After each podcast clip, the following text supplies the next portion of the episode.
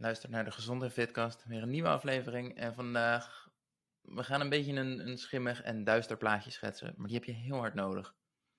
Aan het eind van deze aflevering weet je, nou ja, überhaupt wat intrinsieke motivatie is, maar vooral ook hoe je het zelf creëert.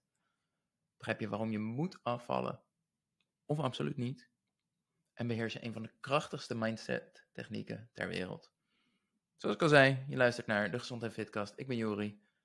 Abonneer je op de Gezondheid Fitcast als je dat nog niet hebt gedaan. Je gaat afleveringen mislopen nu ik uh, meer uren beschikbaar heb voor de podcast. En wat het is, de meeste mensen zeggen dat ze willen afvallen. En dat geloof ik best. Maar de redenen waarom, als je erop doorvraagt, die zijn vaak erg zwak. Ik wil meer energie. Ik wil kleren passen. Ja, weet je, lekker belangrijk. Hier ga ik de volgende aflevering nog dieper op in. Daarom zei ik al, je moet je abonneren. Hoe stel ik nou echte doelen en hoe vind ik de motivatie om het te doen? En daar gaan we vandaag iets dieper op in, namelijk het stukje intrinsieke motivatie. Om je een idee te geven, wat is dat nou eigenlijk? Nou ja, we hebben intrinsiek van binnenuit en extrinsiek van buitenaf. Um, voorbeeld, mijn collega's noemen me dik en dat vind ik vervelend. Dus ik ga afvallen. Extrinsieke motivatie, je hebt er zelf niet heel veel invloed op. Ik bedoel, voor hetzelfde geld noemen ze iets anders als je eenmaal bent afgevallen. Daarom is extrinsieke motivatie over het algemeen niet een hele sterke. Intrinsiek zou zijn, ik wil gewoon trots zijn als ik in de spiegel kijk. Als jij pen en papier pakt en 10 minuten de tijd neemt voor de twee vragen die ik je zo ga stellen, beloof ik jou dat heel je leven verandert. En dat is best een belofte, I know. Ik wil dat jij jezelf afvraagt, hoe ziet je leven eruit over tien jaar? Als je vandaag besluit, ik ga helemaal niks doen. Ik laat het afvallen los. Het is prima zo. Hè, body positivity, je bent gewoon zoals je bent en dat is helemaal goed. Um, geloof ik geen bal van, maar dat terzijde. Jij besluit vandaag, het is het me niet waard. Ik laat het los. Ik ga me er niet meer mee bezighouden. Het is goed zo, het is klaar. Wat gebeurt er tussen nu en tien jaar? Waarschijnlijk ben je zwaarder dan nu. En waarschijnlijk heeft dat gevolgen. Misschien heb je al kleine pijntjes en dingetjes waar je last van hebt. En die worden alleen maar meer en meer. Nou als je nu misschien al af en toe last van je knie hebt of van je enkels hebt, kun je je voorstellen dat als dat over 10 jaar zonder verandering, misschien zelfs 10, 20 kilo extra, alleen maar erger en erger wordt. wat zijn de gevolgen daarvan? Ben je nog in staat om uh, in het bos te wandelen? Of is dat onstabiel en is dat gevaarlijk? Kan je überhaupt je boodschappen nog doen?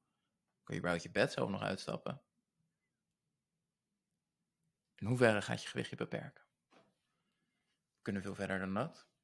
Waarschijnlijk is een van de redenen dat je wil afvallen het voorbeeld wat je kinderen geeft. Misschien niet zozeer het afvallen, maar vooral gewoon het stukje leefstijl. Je wil dat zij gezond opgroeien. De enige manier om dat te bereiken is door zelf het goede voorbeeld te geven. Je kan nog zo vaak zeggen, eet genoeg fruit, maar als ze jou geen fruit zien eten, kijk maar wat er op lange termijn gebeurt. Kans is erg klein dat zij het goede voorbeeld wat je ze hebt verteld gaan overnemen en niet het slechte voorbeeld wat je hebt gegeven. Dus um, ja, ook dat. Hoe ziet hun leven eruit over tien jaar als jij besluit om nu niks te doen? Nou ja, misschien tegen die tijd is het zo erg dat je medicatie nodig hebt, eh, bloeddruk, eh, diabetes misschien zelfs. Um, blijvende schade misschien wel aangericht. Knieën die gewoon het gewicht echt niet meer konden dragen. En dus inderdaad, nou ja, pijntjes en beperkingen die je daaraan overhoudt. Um, je relatie met voeding. Het kan zijn dat emotie eten alleen nog maar verder doorslaat. Misschien juist dat je heel veel dingen gaat laten. En niet meer uit eten gaan, want dan kom ik nog meer aan. En dat wil ik ook weer niet. De invloed van um, dit alles op je relatie, op je huwelijk misschien zelfs. En waarschijnlijk ben je niet de gezelligste persoon wanneer je weer met afvalpoging nummer zoveel bezig bent. Maar hoe fijn ben jij als persoon als je iedere dag in de spiegel moet kijken en ziet, ja, dit is het. En misschien zelfs met 10 kilo extra, met 20 kilo extra. Wat doet dat met jou als persoon, met je zelfvertrouwen, met je humeur, je spontaniteit? En wat is de invloed daarvan op je gezin, op je relatie? Schets dat plaatje, schrijf hem uit. Durf de diepte in te gaan. En ik weet dat dat verschrikkelijk eng is. Het is namelijk heel confronterend. Het betekent namelijk, hey shit, als ik nu weer besluit om het een beetje halfhartig aan te pakken of niet te doen, dit is waar ik naartoe ga. de meeste mensen durven dit niet te doen, want het is veiliger om je daar, hè, jezelf daar niet mee te confronteren, dan om te moeten concluderen. Ik heb eigenlijk de afgelopen jaren de keuze gemaakt om deze kant op te gaan. En nu zie ik dat ik me dat echt niet kan veroorloven, dat het anders moet. Dus nu is het tijd voor actie. Maar dat plaatje wil ik wel schetsen. Hoe zou je leven eruit zien als je vandaag inderdaad besluit, ik kom nu in actie. Het moet anders. En daar hoef je geen tien jaar voor te nemen. Wat verandert er binnen nu een jaar? Hetzelfde verhaal. Pijntjes worden misschien minder. Kinderen groeien een heel stuk gezonder op. Jij bent een veel leukere moeder voor je kinderen. En je hebt meer energie, je kan leuke dingen met ze doen. Je kan werkelijk het goede voorbeeld geven. Wat voor invloed heeft dat op je relatie, op je huwelijk, uh, je relatie met voeding? Hè, misschien nu, als je het eten gaat, vind je het lastig. Hè, de dag erna de weegschaal en dan moet je het weer oppakken. En... Hoe zou dat zijn? Als je vandaag gewoon aan de slag gaat en al die dingen binnen nu in een jaar opgelost zijn. En heel eerlijk, de meeste mensen kunnen zich dat niet voorstellen, omdat ze zichzelf gewoon verschrikkelijk klein houden. Zelfde verhaal, klein is veilig. Hè, als ik de lat niet te hoog voor mezelf leg en verwachtingen schep, ja, dan kan ik ook niet echt falen. Kan ik gewoon tien jaar lang aanmodderen, niks bereiken. Maar ja, ik heb ook nooit gedefinieerd wanneer faal ik en wanneer slaag ik. Dus het is allemaal oké. En dat mag.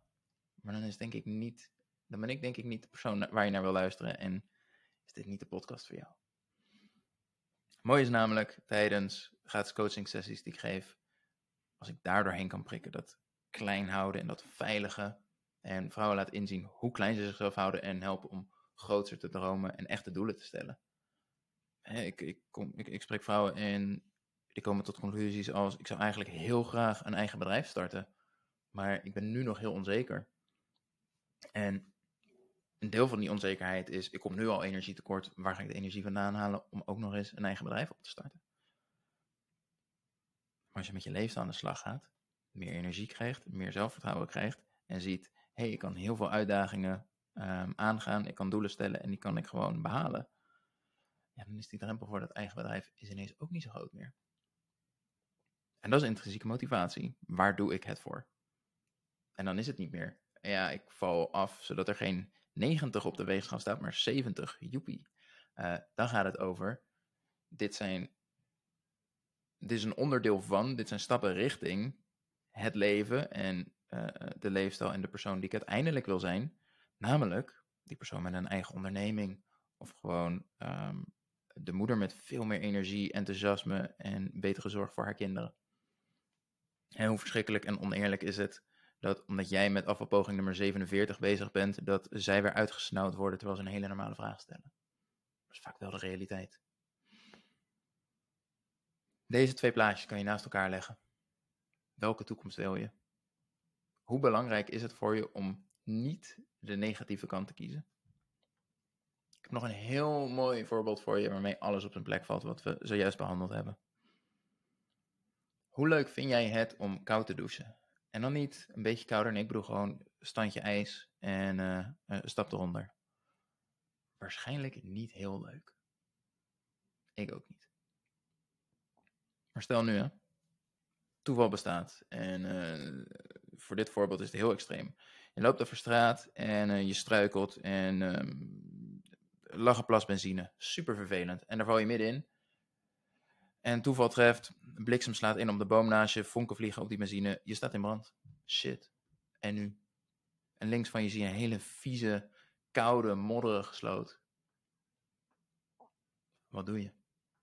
Denk je, ja, hè, een beetje warm dit. Ik ga dit niet heel lang volhouden. Maar die sloot is wel heel vies. En dat ga ik niet doen. Ik uh, uh, loop wel, ren daar wel naar huis. En ik hoop dat ik het overleef. En dan stap ik daar onder de douche. Maar dan wacht ik wel even tot die warm is. Of denk je, boeit me echt geen ene flikker. Ik moet nu iets aan dit probleem doen en je springt gewoon die sloot in. Ik denk het laatste. Als ik zeg, ik heb wat voor je. Ik uh, heb hier een hele mooie emmer. Het is niet zomaar een emmer. Het is gevuld met water. En uh, die emmer met water die kan voor jou zijn voor 10 euro. Waarschijnlijk kijk je me aan alsof ik een idioot ben en loop je verder. Hoop ik wel. Maar ja, wat nu hè? Ik ben uh, in de woestijn en ach, toch weer die plasmazine en die blikseminslag. Je staat weer in brand. Verdorie, het blijft maar gebeuren. En uh, daar staat iemand, emmer water, 1000 euro. Wat doe je? Ja, volgens mij is er maar één mogelijkheid. En dat is wel hoe je je kans van slagen vergroot. Niet door jezelf in brand te steken, absoluut niet. Um, door je noodzaak te vergroten. Die stap om die emmer water te kopen, die is nul als jij niet in brand staat. Maar zodra je in brand staat, ja, weet je, er zijn duizend redenen te verzinnen om het niet te doen, maar je hebt één reden om het wel te doen, namelijk, ik sta in brand, daar moet wat mee gebeuren. Voorbeeld daarvan, waar ga jij meer moeite in steken? Het gratis, gratis voedingsplan wat je van het internet hebt geplukt, of het voedingsplan van 40 euro van de diëtist? Waarschijnlijk het laatste. Het traject van zes maanden van 300 euro bij de diëtist, of die coach van 4000 euro? Waarschijnlijk het laatste. En dit is slechts een manier om de noodzaak groter voor jezelf te maken. Het is niet zo, ik moet heel veel geld uitgeven, want dat is de enige manier om mezelf te motiveren. Absoluut niet. Ik bedoel, ik heb al het plaatje geschetst. Dit is hoe ik mijn toekomst niet wil, dit is hoe ik mijn toekomst wel wil. Dus een stukje noodzaak is er al. Um, financiële druk is een manier om daar een stap verder in te gaan.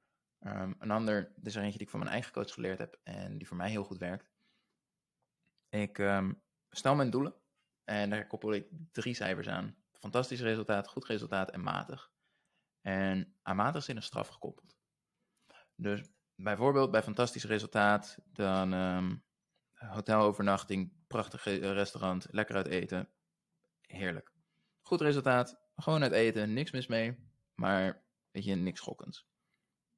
Matig resultaat. Ik ga echt over mijn nek als ik tonijn moet eten. Dus aan mijn matig resultaat was gekoppeld, komende zeven dagen eet ik iedere dag een blik tonijn.